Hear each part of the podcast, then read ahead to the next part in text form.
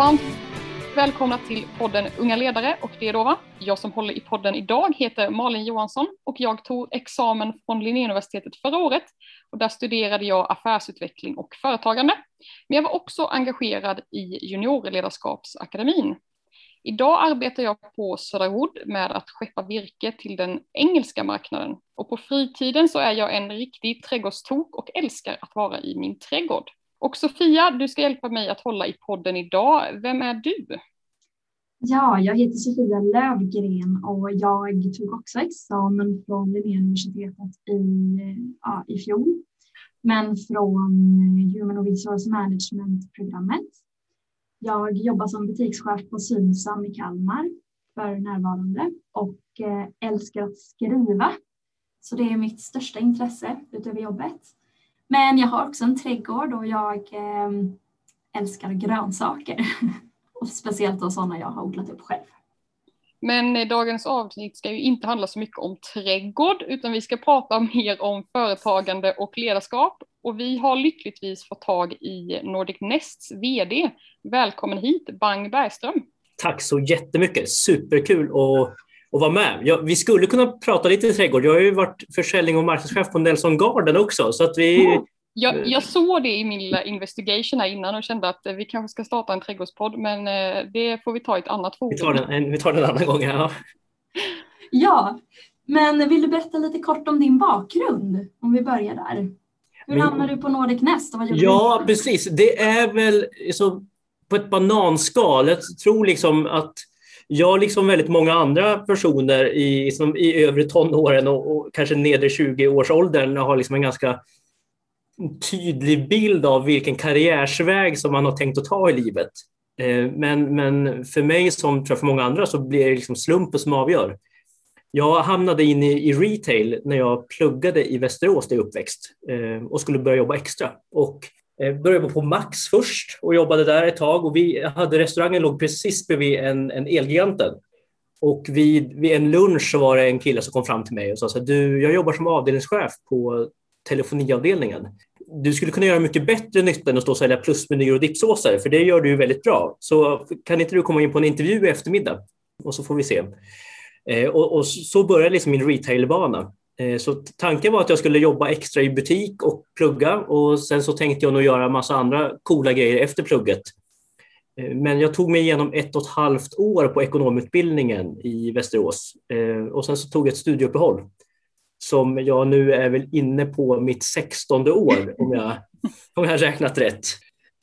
Så jag har spenderat mycket tid på, på dels Eleganten, men allra mest på Mediamark där jag var med i åtta år och var med och öppnade kedjans femte varuhus i Sverige, i Norrköping. Och när jag slutade där 2015 så hade vi 29 varuhus i Sverige. Och då var jag drifts och försäljningsansvarig för, för hela kedjan. Eh, så, så har jag jobbat med retail och ledarskap och, och försäljning hela mitt liv och liksom älskar eh, den pulsen som det ger. Det här liksom att varje dag kunna påverka sitt resultat. Eh, är någonting jag eh, drivs av och måste ha. Så, så, så, jag var en kort sväng på Nelson Garden och eh, hade hand om försäljning och marknad där och då sålde vi ju produkter genom andra återförsäljare. Jag kommer ihåg att det var så, det gick så långsamt för mig. För jag kunde liksom inte påverka försäljningen varje dag, utan, men det gick i cykler. Så att hade vi sålt in vårsäsongen, ja då, det var liksom sålt innan den hade börjat sälja i butikerna. Så då tack och lov i, i slutet på 2016 så dök den här möjligheten upp på Nordic Nest. Och, och jag har aldrig jobbat med e-handel innan, så jag är lite förvånad över att Niklas, vår styrelseordförande, då valde att liksom ge mig ansvaret och få leda den verksamheten. Men eh, han, han, såg väl någonting i, i min retail-erfarenhet som, som, som, han trodde skulle komma till nytta. Så att här har jag varit sedan dess. Så att, och, och, det här är det roligaste jag någonsin har gjort. Det här är liksom, man, man får, kommer behöva bära ut mig ifrån Nordic Nest eh, om man ska få mig härifrån. Så, så kul tycker jag att det är. Kan, kan man tolka det som att du blev headhuntad till att bli Nordic Nests vd då kan man säga? Nej, jag sökte faktiskt jobbet. Och det där, för, för att göra liksom den långa historien lite kort, det var samma rekryteringsbyrå som hade hjälpt mig till jobbet på Nelson Garden så jag var tvungen att tjata ganska mycket, för det där är väl liksom mot deras principer att liksom plocka kandidater från ett ställe till ett annat. Så jag tror jag pratade med rekryterare där fyra eller fem gånger innan jag ens fick liksom komma på en intervju. Så det, det är väl liksom viktigt också att ibland får man kämpa på. Och om man vill någonting, verkligen anstränga sig lite extra. Så det var en liten tröskel att ta sig över. Men så bra det blev. Ja, jag, jag hoppas det. Jag, jag har superroligt i alla fall och, och, jag, och jag tror att de jag jobbar med tycker att det är hyfsat kul i alla fall. Jag har ju eh, som sagt varit engagerad i juniorledarskapsakademin ganska många år, både som student och som alumn. Och eh, jag vet att jag gick på en föreläsning som hette Ny som chef genom JLA då som vi förkortade. Och jag tänker att det är ju verkligen vad du var när du kom till Nordic Nest, eller i alla fall ny som VD. Vad, kan du bara berätta lite kort, liksom, hur var dina tre första månader? Vad gjorde du för analyser? Vad ville du förändra? Vad såg du? Ja, vad var det du såg när du kom in på Nordic Nest? Liksom? Ja, jättespännande fråga. Dels när jag kom in så, så tog jag över efter Jörgen Bödmar som hade grundat bolaget. Och han hade jobbat som VD i, 30, i 15 år. Eh, och det är alltid speciellt liksom med grundare och ägardrivna bolag. För, för de blir ju väldigt, ja, men som entreprenör så jag man inne och pillade i allting. Så, så det första jag gjorde när jag kom in var att då var vi 35 anställda. Det var att intervjua alla 35 personer i hela bolaget. Vi satt mellan en timme och 40 minuter och en timme med allihopa.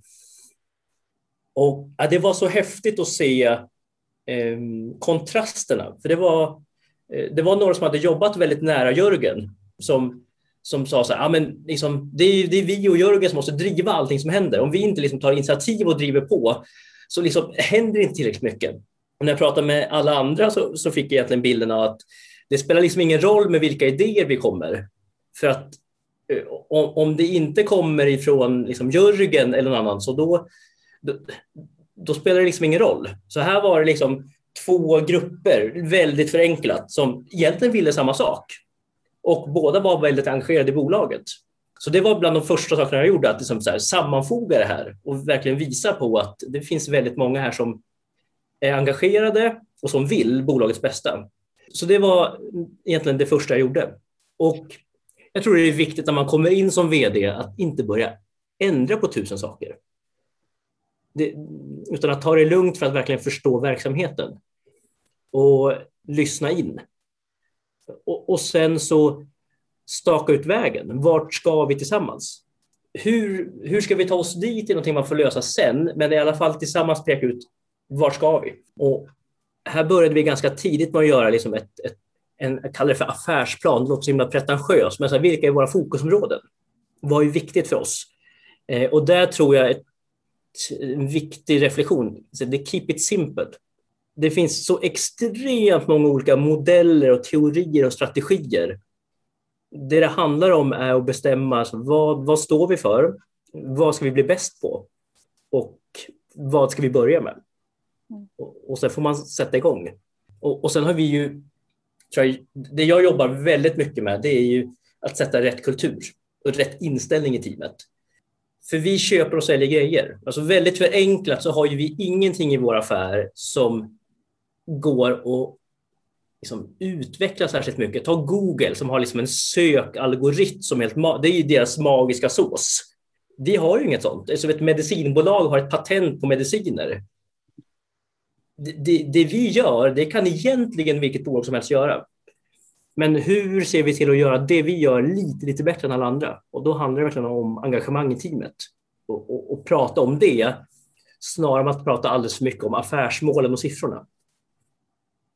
Men eh, då måste jag ju ställa frågan här när man kommer in på ett eh, bolag som eh, har haft en sån sammanhållning antar jag under så många år. Jag, jag hade förmånen att lyssna till Jörgen under mina studier när han talade om just hur han började och att han var väldigt eh, innan sin tid med eh, just internethandeln och så.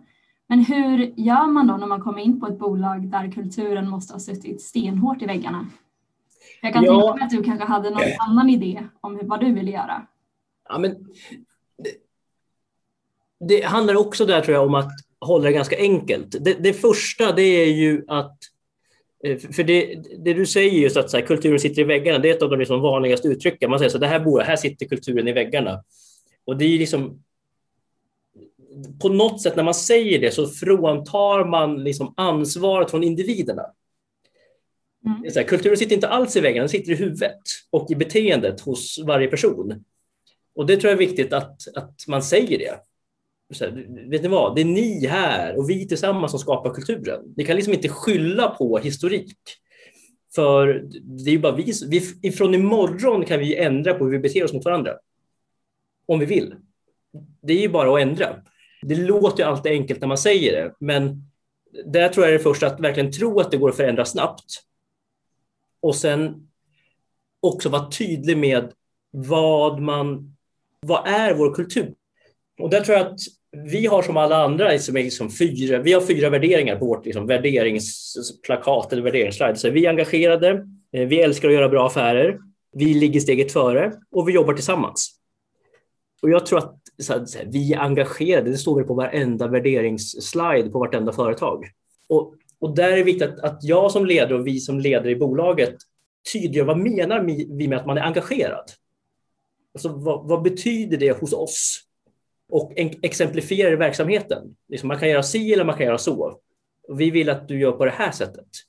Och så får man verkligen leva det hela vägen ut. Vi säger ju till exempel att vi litar på att alla våra anställda gör det som är bra för verksamheten. Så full 100% tillit. Och ta vår kundservice. Där får ju kundserviceteamet fatta vilka beslut de vill så länge kunden blir nöjd.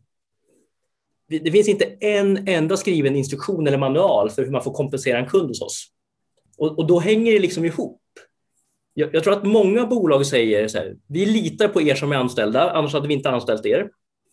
Och sen så finns det en massa regler. Ja, men för att få göra den här transaktionen så måste du ha jobbat så här länge eller ha den här rollen eller den här titeln. Då får du göra det här. Ja, men varför får jag inte göra det här för? Är det för att du inte litar på mig? Nej, men jag litar visst på dig. Det handlar inte om tillit, utan det handlar om någonting annat. Och där tror jag att det hänger ihop hela vägen. Då kan man förändra en kultur ganska mycket. Och, och säger man som ledare att det är viktigt att vi är närvarande och finns till för teamet, och sen själv inte svarar på en Teams-chatt eller ett mejl på typ 24 timmar, men då blir det ingen förändring. Så det, det, är verkligen att leva som man lär tror jag är jätte, jätteviktigt. Men hur gör ni då för att hålla samman? Jag tänker ni har lagerpersonal och kundtjänst och så. Jag mm. tänker att det är ändå ganska olika jobb kanske i grunden, men hur gör man för att sammanfoga så att alla liksom jobbar efter samma kultur och så? Ja, eh, det är olika arbetsuppgifter men det är viktigt att vi liksom, dels har gemensamma mål. Vi, vi, har tre grundstenar i vår verksamhet som, som gäller oavsett var man jobbar. Den första är att vi vill skapa världens bästa kundupplevelser. Det andra är att vi ska bygga världens mest motiverade team. Och det tredje är att vi ska driva världens mest lönsamma retail. Och de tre, jag tror att om, om du skulle fråga vem som helst i bolaget, så vilka är våra tre grundstenar, så kan man rabbla de tre. Och, och, här är det viktigt att förstå att alla i sin roll kan vara med och bidra till att skapa en, en, en kundupplevelse som är i världsklass. Men det är ju olika arbetsuppgifter. Eh, men vi pratar allt om det här övergripande först. Och så har vi, vi har månadsmöten där vi samlar all personal. Och där gör vi ingen skillnad på liksom vilka som får med på mötet och där delar vi resultat och siffror. Eh, vi har all information i princip tillgänglig i Teams. Så att oavsett vilken roll du har så kan du liksom komma åt ganska känslig information om hur det går för bolaget. När vi har kickoffer så, så är vi, åker vi på kickoff allihopa. Det är liksom inte så att vi har en separat lager-kickoff och en separat liksom, försäljningsavdelnings-kickoff, utan när vi åker på vår stora kickoff, då gör vi hela teamet. Det är just det att verkligen jobba som ett team. Och sen en liten detalj, det kan liksom verka simpelt, men vi håller på att bygga ut vårt lagerkontor nu. Och då har vi i vår gamla byggnad, som i och för sig bara ett och ett halvt år gammal, så har vi ett lunchrum som är för litet. Och där har alla sagt till mig under byggprocessen, så här, ska, vi inte, ska vi inte fortsätta använda det så behöver vi inte bygga ett lika stort lunchrum på det nya, för det kostar ganska mycket att bygga lunchrum. Och jag sa, nej, det är klart vi inte gör det. Vi, stänger, vi ska stänga igen det gamla lunchrummet. Så att alla äter lunch på samma ställe. Det är liksom sådana små saker som jag tror är väldigt viktiga i ett bolag. Att om vi säger att vi ska jobba tillsammans och vara ett team, hur signalerar man det? Och då är sådana grejer tror jag väldigt, väldigt viktiga. Men gemensamma mål, kommunicera dem tydligt. månadsuppföljning så att alla vet vart, hur det går för oss och var vi är på väg. Och sen tycker jag en, en, liksom, en väldigt en kultur där vi bryr oss om varandra. På riktigt. Det jag blir gladast över när jag hör vårt team säga och beskriva hur det är att jobba hos oss, det är när de säger så hos, på Nordic Nest så kan jag vara mig själv. Jag behöver liksom inte göra mig till eller gå in i en roll, utan jag kan vara den som jag är. Det tror jag att, att vi tillåter det gör att vi liksom skapar en väldigt stark gemenskap tillsammans. Fint. Jag tänker det du säger också att, ni, att alla har, får egentligen göra det de anser är rätt utan en massa regler. Det tyder också på att kan jag tänka mig att ni är ett företag som eh, tycker att man ska våga och att misslyckas är en bra sak för att det gör att man tar sig vidare i en ny riktning. Mm. Ja, verkligen. Alltså jag, jag vill att vi ska göra fel. Alltså för, för om, vi, om vi inte gör fel så jobbar vi inte tillräckligt snabbt.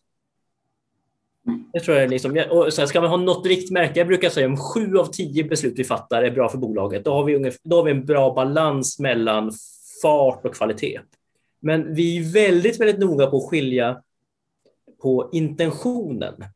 Så, så länge man vill göra rätt så får det gå hur fel som helst.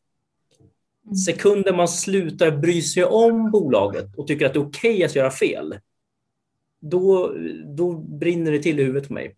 Så det handlar liksom inte om storleken på felet utan verkligen om vill jag att det ska gå bra för oss och försöka göra rätt eller spelar det ingen roll för mig? Så att där eh, verkligen helt okej okay att göra fel. Jag tycker vi ska göra fel. Vi har mycket unga människor också i teamet som är många är på sitt första jobb. Eh, och vi lär oss längs vägen allihopa. Och, och ibland går det superfel, vilket som, som du säger, jätteroligt. Eh, och bra, för då har vi lärt oss någonting. Eh, och då vågar vi. Jag tänker att det bidrar till den känslan som du skrev där, att om man tillåts att göra fel, om man bara vill rätt, så kan man vara sig själv. Eller att det liksom ligger där i på något sätt. Mm. Ja, men absolut. Jag tror du har helt rätt i det. Att det är liksom väldigt... Men, det är som en familj eller liksom en bra relation. Då, det är där man vågar göra fel mm. och, och, kan vara sig själv. Ja, ni är lite på G här med att lansera ett internt utbildningsprogram. Vill du berätta lite mer om det? Ja, precis. Ja, men, så I takt med att vi växer, när jag kom in 2017 så var vi 35 personer. Då kan man ju prata med alla anställda eh, varje dag, ganska mycket. Nu är vi 370. Mm. Eh, så det har ju växt snabbt och därför så startar vi nu, första juni börjar en ny kollega som heter Johanna som ska ansvara för det vi kallar för eh, Nordic Nest Academy. Eh, som ska vara liksom en, en både en utbildningsplattform där vi kan utbilda i både ledarskap, affärsmannaskap, och liksom arbetsrätt och allt vad vi nu vill utbilda inom. Men också en, en plattform för både karriärsutveckling och talangutveckling. Så en viktig del i Nordic Nest Academy är ju att identifiera liksom potentiella framtida talanger som vi ser kan vara med och bidra på resan framåt. Vi har en ganska aggressiv tillväxtplan, så vi kommer behöva ha massor med duktiga människor liksom, under många år framåt. Och, och, där kan man ju, precis som jag gjorde, komma in på ett bananskal. Och det är framförallt lager och kundservice hos oss där vi, vi anställer många personer. Men det kanske är så att den här, det här är liksom en klippa som vi ska fånga tidigt och utveckla. Så att det ser vi väldigt, väldigt mycket fram emot, att börja bygga den här akademin för att jobba mer med intern utveckling och och utbildning och, och även hitta de här talangerna. Jag gillar ju inte riktigt att köpa in ledarskapsutbildning utifrån. För jag tycker det blir liksom väldigt teoretiskt och man liksom krånglar till saker. Och jag minns själv när man gick på den här ledarskapsutbildningen, man liksom kom tillbaks till jobbet och liksom betedde sig lite annorlunda. Så all, all ens personal sa så här, ja, men har du varit på sån här utbildning igen? Och det här liksom, hur kan vi utbilda och utveckla våra ledare så att de är sig själva? men får liksom nya verktyg i verktygslådan så att de kan fortsätta vara sig själva men bli bättre ledare. Därför har vi valt att paketera det och bygga det själva. Jag tycker det känns väldigt lyxigt att ha något sånt internt, som det bara när jag hör dig berätta om det. Ja, men, och det, det kommer väl till det här att vi, liksom, eh, vår andra grundsten är att vi vill skapa världens mest motiverade team. Det handlar ju, liksom, då måste vi investera i det också och, och satsa både pengar och tid och, och, resurser. på att göra det. Och det här är liksom en viktig satsning för oss. Mm. Jag, jag, var faktiskt med och ehm, skapade ett sådant program på ett annat stort företag tidigare. Mm. Um, hur uh, gick ni tillväga uh, när ni, om jag tänker, hur vet ni vad ni ska satsa på i, den här, i det här programmet? Har ni, oh, hur har ni tagit reda på det här? Eh, men mitt ärliga svar är att vi vet inte. Vi gör det här på ett klassiskt Nordic Nest-sätt. Vi ser mm. att det finns ett behov, att vi behöver liksom hitta lite mer struktur hur vi jobbar med interna utbildningar och talangutveckling. Och så här, men, hmm, men vi kanske borde bygga en, en akademi internt. Superspännande. Vem ska göra det? Nej, men vi, vi som är här hinner ju inte. Bra, då måste vi hitta en person som vi tror är rätt för oss och som matchar. Och så kommer vi säga till Johanna, vi har redan börjat prata med henne, vet du vad, vi litar på dig. Gör en eh, inventering av behovet och, och försök att se vad vi ska skapa. Och här har ju Johanna ett jättestort ansvar, för jag är helt säker på att det vi kommer få till svar när det gäller utbildningar är ett, ledarskap kommer vara högst upp på listan. Nummer två kommer vara Excel-utbildning. Och, och, och, och, nummer tre kommer vara kanske produktutbildning. Men är det verkligen det vi behöver? Liksom, så, så där är det ju, liksom, Steve Jobs sa väl klokt någon gång, om vi hade gjort en, en, kundundersökning innan vi släppte iPhonen så hade folk sagt att de vill ha en liten telefon med längre batteritid. Liksom, vi släppte en större telefon än vad som fanns med sämre batteritid än någon annan telefon som fanns eh, och se hur det gick. Så, så, här är det verkligen Johannas jobb att borra sig in och verkligen på djupet förstå vilket behov vi har i teamet. Och där är vi jättemånga som stöttar henne i det jobbet. Men vi, vi har verkligen ingen långsiktig och utstakad plan. Inte här som i något annat område heller. Vi lägger ner väldigt, väldigt lite tid på att bygga långsiktiga planer. För världen ändrar sig så snabbt. Mm. Så liksom när planen är klar, då är det, liksom, då är det stor risk att den inte gäller längre. Mm. Så, så vi, vi, får se. Vi, jag har en jättestor förhoppning om att, att Johanna kommer göra det här galant. Jag vet att vi kommer hjälpa och stötta henne och hitta bra, en bra riktning. Sen var vi står om ett år, det har jag faktiskt ingen aning om. Jag hoppas vi har hunnit göra ett, ett par riktigt bra utbildningar och att vi har börjat identifiera liksom ett par framtida stjärnor i teamet. Nej, men vi pratade lite innan Mang om eh, engagemang i team och sådär, men vi hade ändå en fråga här längre ner och jag känner att jag vill ändå passa på att ta den. Eh, hur du jobbar för att skapa engagemang i team. Mm. Du har ju mm. tagit med dig mycket erfarenhet förmodligen från ja, mediamarkt och sådär med säkert sedan tidigare, men liksom, hur får du personer tillsammans så, i en grupp? Jag tycker det är svårt att sätta ord på det där ibland. Det, det handlar så mycket om hur vi beter oss mot varandra och hur jag beter mig mot, mot mina kollegor. Jag försöker ju vara väldigt närvarande. Ta en dag när jag är här på plats i Kalmar. Då börjar jag oftast dagen med att, att ta ett varv på laget, säga god morgon till alla. Och sen så tar jag ett varv på kontoret och, och säger god morgon till alla. Och den där rundvandringen kan ta allting mellan en halvtimme och tre timmar. Beroende på vilka frågor och diskussioner som, som dyker upp det är väldigt viktigt för mig att liksom, finnas till hands och vara närvarande och visa att, att vi bryr oss, att jag bryr mig om verksamheten och att jag bryr mig om individerna. Det är liksom, närvaron är viktig. Sprida energin. Hur pratar vi med varandra? Pratar vi om, har vi en positiv attityd till eh, det vi gör?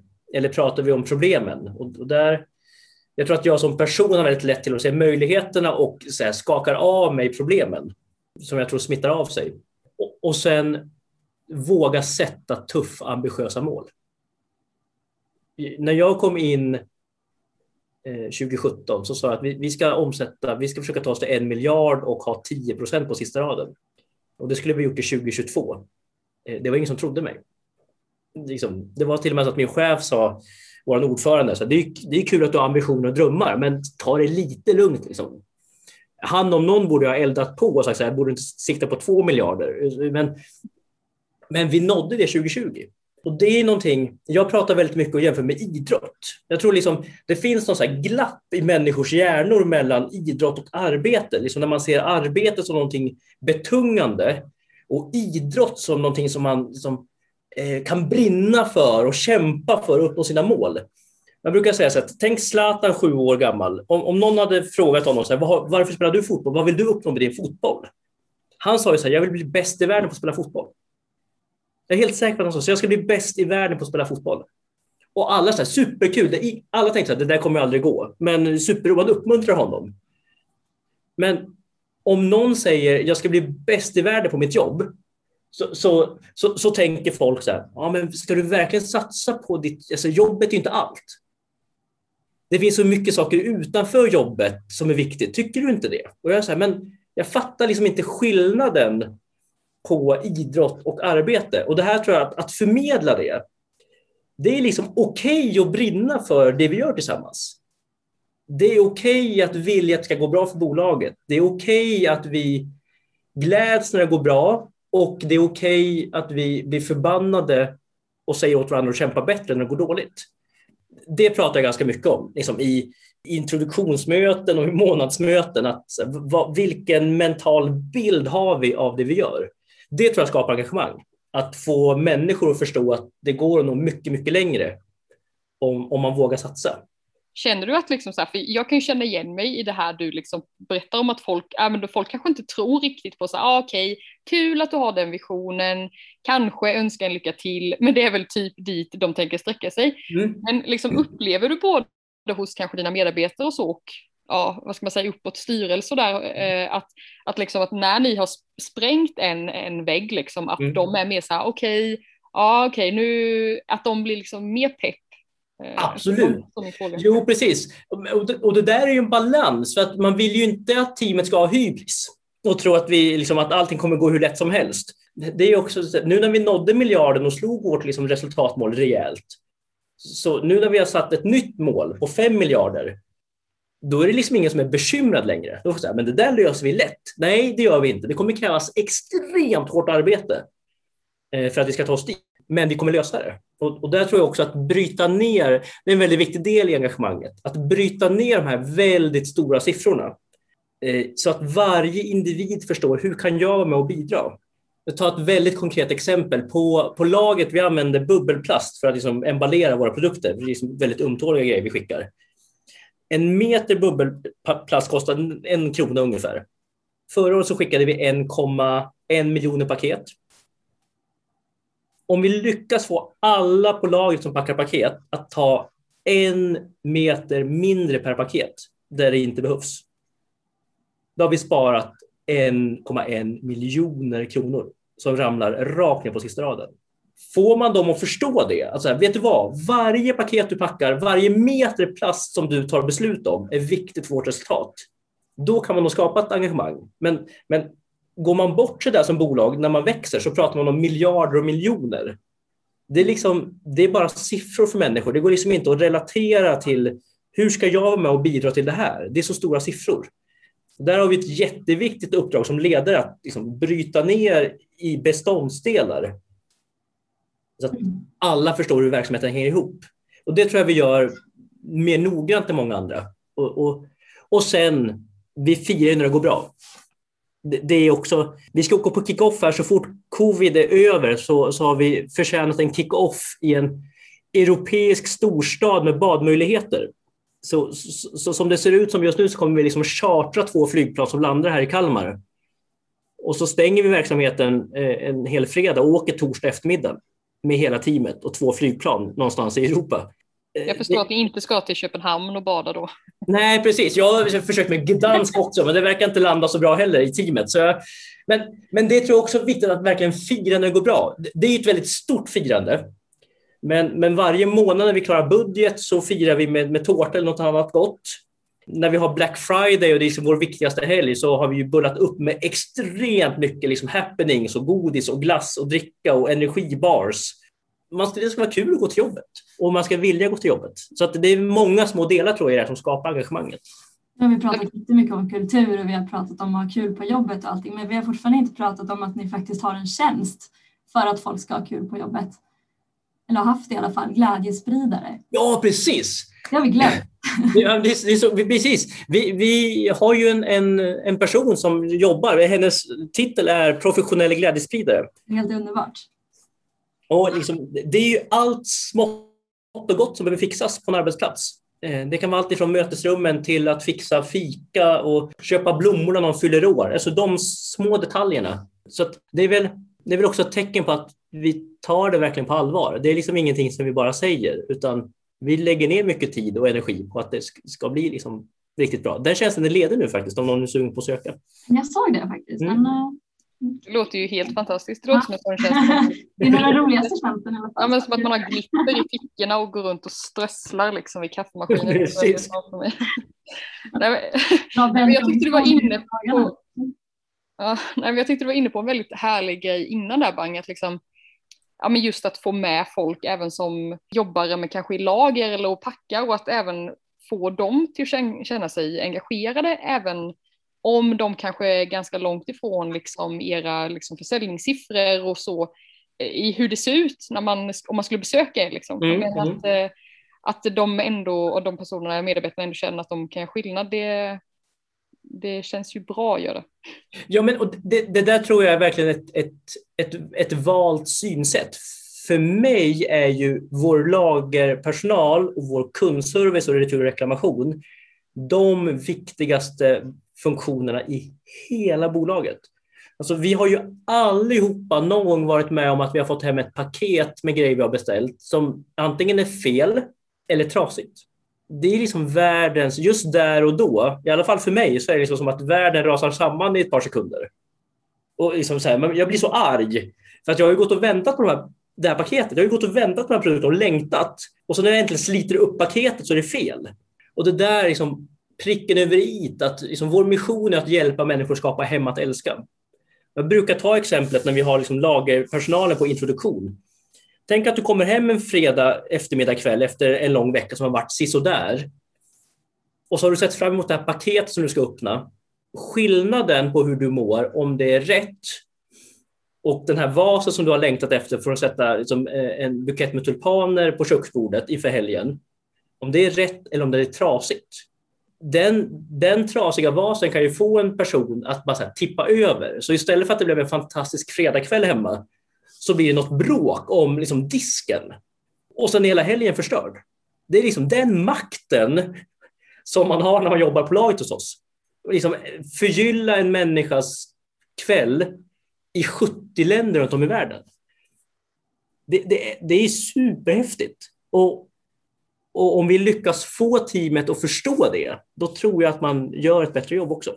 Jag vill bara flika in en liten extra där då. Du sa i 70 länder och jag vet inte hur, hur väl vi har förtydligat det, men det är ju eh, främst skandinavisk design och liksom designprodukter och, och sådär ni, ni inriktar er på. Liksom. Hur, hur mycket skiljer sig er verksamhet åt över de här länderna?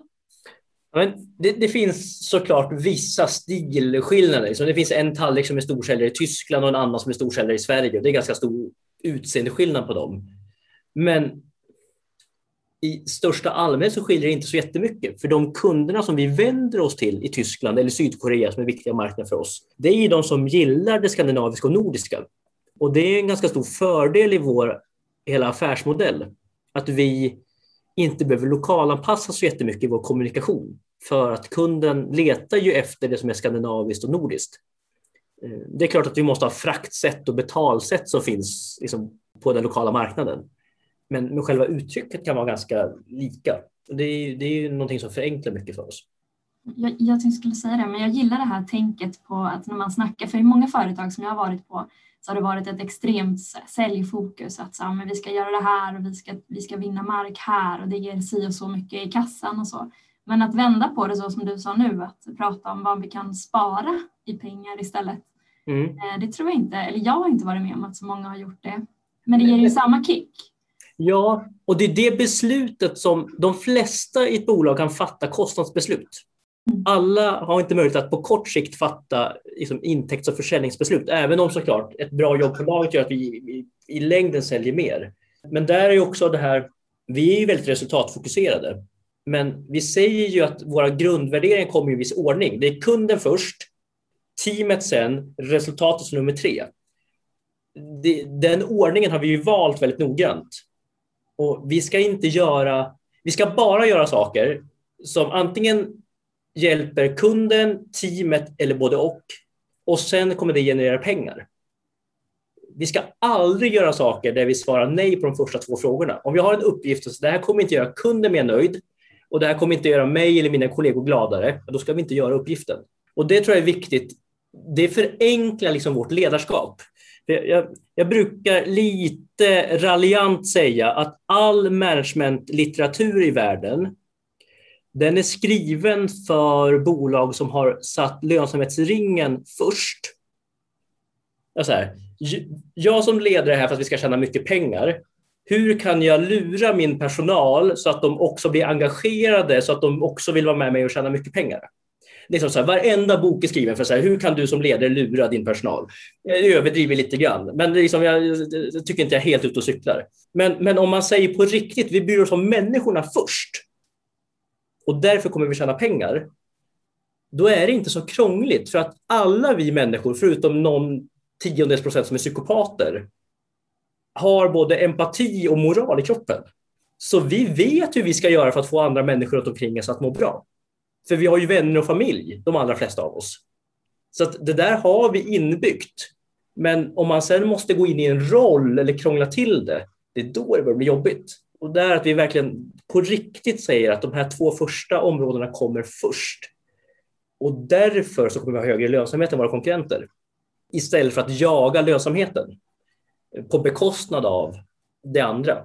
Det där är, det är ganska enkelt att säga och jag är liksom ingen, det här pratar jag jättegärna om. Jag skulle kunna åka till vår största konkurrent och berätta om det här. För om man inte har knäckt nöten så kommer man liksom inte knäcka nöten. För det sitter hos människorna och lyckligtvis så, så har vi de människorna hos oss och inte hos våra konkurrenter. Tala om era konkurrenter då, kommer in på det. Hur gör ni för att sticka ut? Det finns ju i alla fall något stort bolag här eh, inom samma bransch lokalt från trakten också. Ja, precis. Mm. Ja, men det gör det. Jag brukar väl vara noga med att säga att de inte finns kvar lokalt längre, för de har flyttat upp hela sin verksamhet till Stockholm. Men, men, men, men skämt åsido, det, eh, det, det, finns ju två saker, eh, områden vi behöver sticka ut. Dels gentemot kunden och, och där eh, liksom, rätt produkter till rätt pris, superviktigt. Det kan man liksom aldrig komma ifrån. Men sen lägger vi ner väldigt mycket tid på att skapa innehåll som ska inspirera våra kunder och hjälpa dem skapa hem att älska. Vi producerar i princip allt bildmaterial som syns hos oss, förutom produktbilder, är ju egenfotat. Vi lägger ner väldigt, väldigt mycket tid på att skapa det materialet i både bild och text. Och det hoppas vi i längden ska, ska göra att fler väljer oss. Ja, då vill jag bara säga, jag gled in här på er hemsida innan vi spelade, började spela in här och började titta på tallrikar liksom, Röstrand, Ostindia och hitta lite så här fina bilder där som ser ut att vara lite så här bröllopsdukning. Är det något sånt eh, du är inne på där då, liksom lite extra material? Och... Precis, så, så, där finns det en del på produktnivå och sen om du klickar på inspiration på, på längst upp i menyn så finns det massor med artiklar där också med egenproducerat material. Så där hoppas vi att vi sticker ut. Och sen det jag tror är allra viktigast, att vi helt enkelt har bestämt att vi ska ha världens nöjdaste kunder. Och att vår kundservice fattar beslut för att vi ska ha världens nöjdaste kunder. Det, jag skulle säga att vi är den enklaste kundservicen att ha att göra med av alla som jag känner till. Det är, liksom, det är sällan man behöver argumentera som kund för att få liksom kompensationer och hjälp hos oss. Så att det, det är liksom stick ut hos kunden. Det andra är att sticka ut för, för att hitta rätt team. Och där tror jag tillbaks det, om vi bara tar hand om teamet så, så löser det sig. Vi, vi har haft två stycken, vi har liksom en, en plattform där vi tar emot ansökningar, eh, både spontanansökningar och till specifika roller. De två största pikarna vi haft där, eh, den första var våren 2019. Då var vi i Sälen på kickoff allihopa. Och på söndagen där på väg hem i bussen så bara, det bara plingade i min telefon. Jag har aldrig fått så mycket ansökningar på liksom en söndag eftermiddag någonsin. Eh, och, och, den andra gången var Black Friday i år. Eh, också där på söndagen och måndagen efter Black Friday så hade vi liksom rekord i antalet besökare och ansökningar in. Och vi inser att det här har att göra med för att alla delar ju det vi gör. Alla happenings i sociala kanaler, i sin Snapchat eh, eller på sin Instagram. Och liksom, det här sprids liksom som en löpeld. Och där så här, shit, Nordic Nest, där vill vi jobba liksom är det många som tänker. Och det, där tror jag också vi sticker ut och, och verkligen tar hand om teamet. Vi la vi la nästan en halv miljon kronor under Black Friday på mat och godis och snacks och energibars och liksom, eh, på ett par dagar. Det tror jag många bolag skulle säga, så det där är helt galet för det är dåligt för lönsamheten. Vi säger det där är det bästa vi kan göra för att då mår teamet bättre och tycker det är roligt att gå till jobbet. Ja men då fortsätter vi väl här med, vi har pratat lite om eh, liksom medarbetare och lite nyrekrytering till folk och sådär men vi funderar lite på hur eh, arbetar ni för att ha rätt person på rätt plats i företaget? Vi, till att börja med, för oss är personlighet och inställning mycket, mycket, mycket viktigare än erfarenhet. Dels ser vi det om och om igen, att liksom engagemang och driv och fart slår liksom historisk kunskap. Det har ju mycket att göra med att i och med att vi är en verksamhet som förändras så extremt snabbt så så måste vi veta att vi anställer personer som kommer med oss i utvecklingen framåt. Så vad de har gjort fram tills nu är inte så viktigt, utan hur snabbt kan de lära sig nya saker eh, framåt är det viktigaste. Och där använder vi förutom liksom intervjuer och såklart träffa kandidaterna eh, också ett, eh, ett person, en personlighetsutvärdering, jag ska inte kalla det för test, men liksom där man ser en personlighetsprofil. Och sen också ett, det som kallas för ett kapacitetstest, alltså ett logiskt test med figurer. Och det får alla som har sökt ett jobb, sökt jobb hos oss får göra det testet. Så att det första som händer när man har skickat in en ansökan hos oss är att man får tillbaka ett mejl. Hej, hej, kul att du söker jobb hos oss. Här är två tester som vi vill att du gör. Och då kan vi i olika roller titta på. Ta en faktor som noggrannhet. Kan vi se. Jätteviktigt på vår ekonomiavdelning. Inte så viktigt alls på vår eh, försäljningsavdelning. Där kan noggrannhet vara dåligt för att man inte vågar ta tillräckligt mycket risker.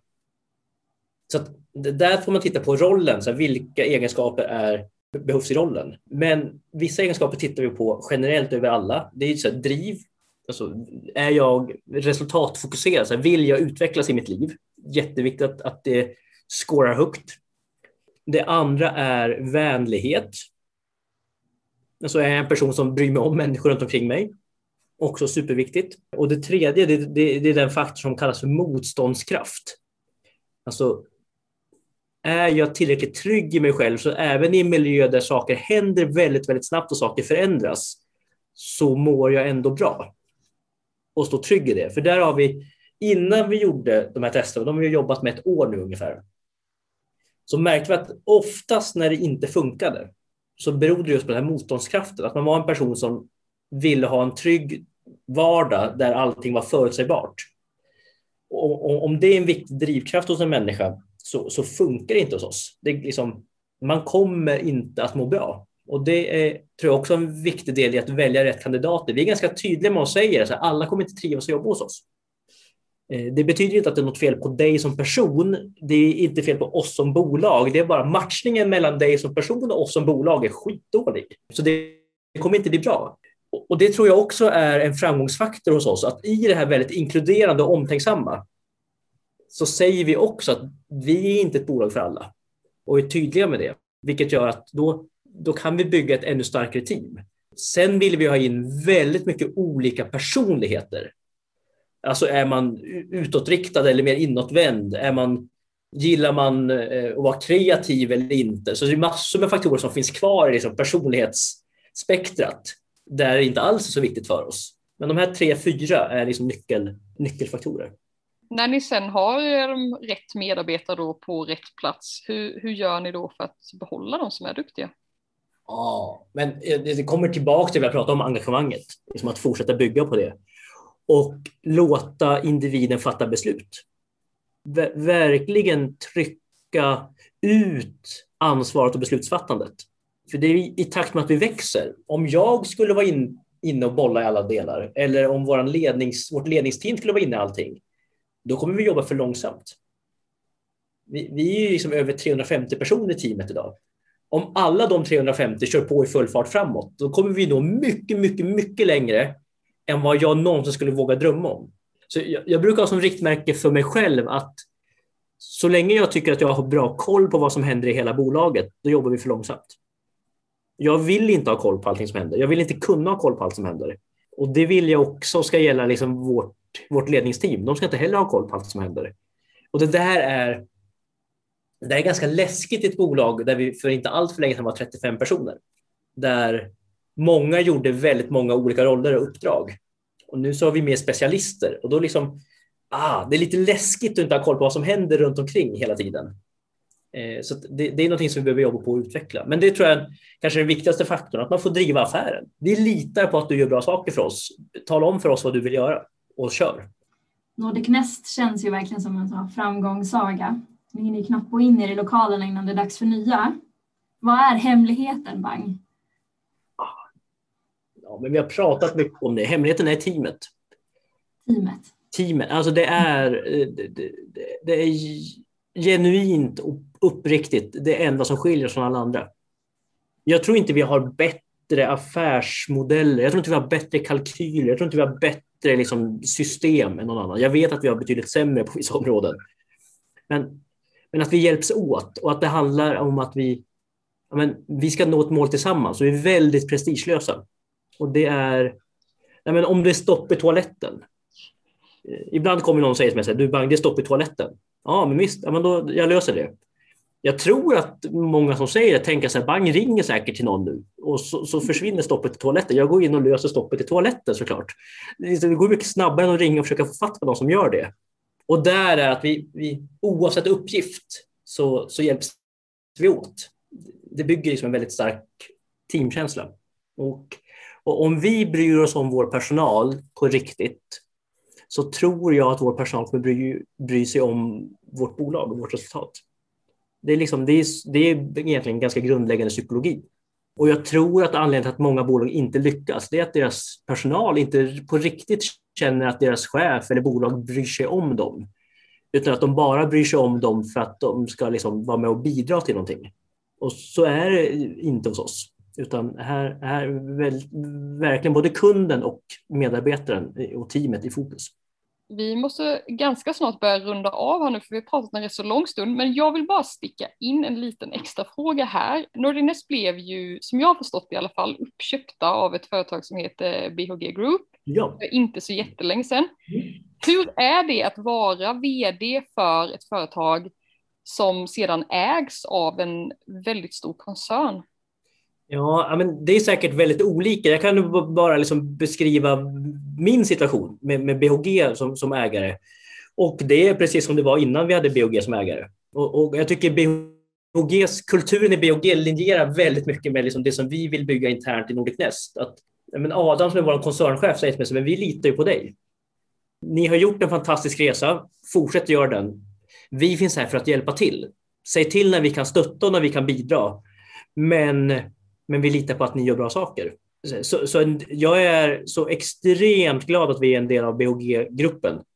För, för den här prestigelösheten som vi har internt i vårt team finns i hela gruppen. Så vi har fått 2000 nya kollegor som vi kan ringa och be om hjälp när, när det är saker som de kan bättre än oss. Och vi får vara med och hjälpa till när det finns saker som vi kan bättre än vad gruppen kan. Så det handlar liksom verkligen om att ge och ta.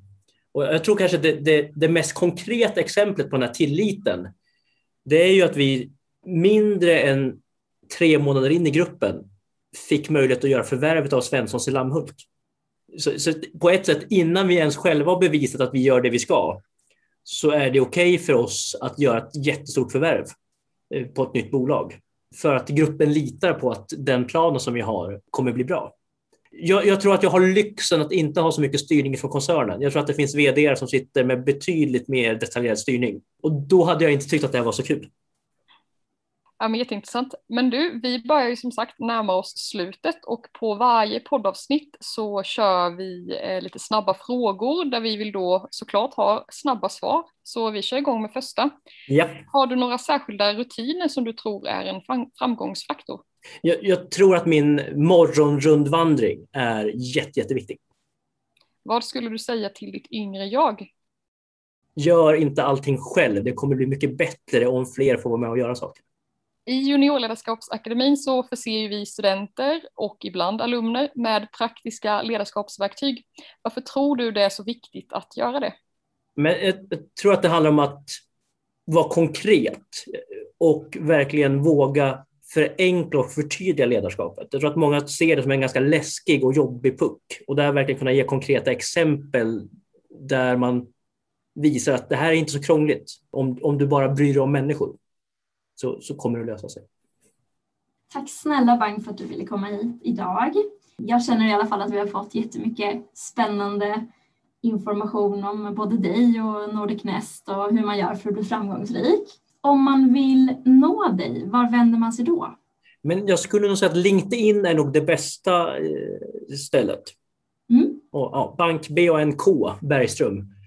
Och eh, om man skriver en gång och jag inte svarar, skriv gärna igen. Det är helt okej okay att säga så här, hej hej, jag skrev, du har inte svarat. För, för i, om, jag, om jag råkar läsa det första medlet vid fel tidpunkt, när jag sitter i någonting annat, så jag liksom kan, kan ha glömt bort att det har kommit när, när jag har tid att svara. Så det är okej okay att pinga på flera gånger. Yes, super. Och för er som är intresserade av att kontakta oss som håller i podden idag så finns jag också på LinkedIn som eh, Sofia Lövgren S. Och Malin, vart vill du att man kontaktar dig? Ja, men det är ju självklart också på LinkedIn som Malin Johansson. Ja, tack snälla för idag då. Tack själv, superkul att vara med. Tack så mycket, hej då!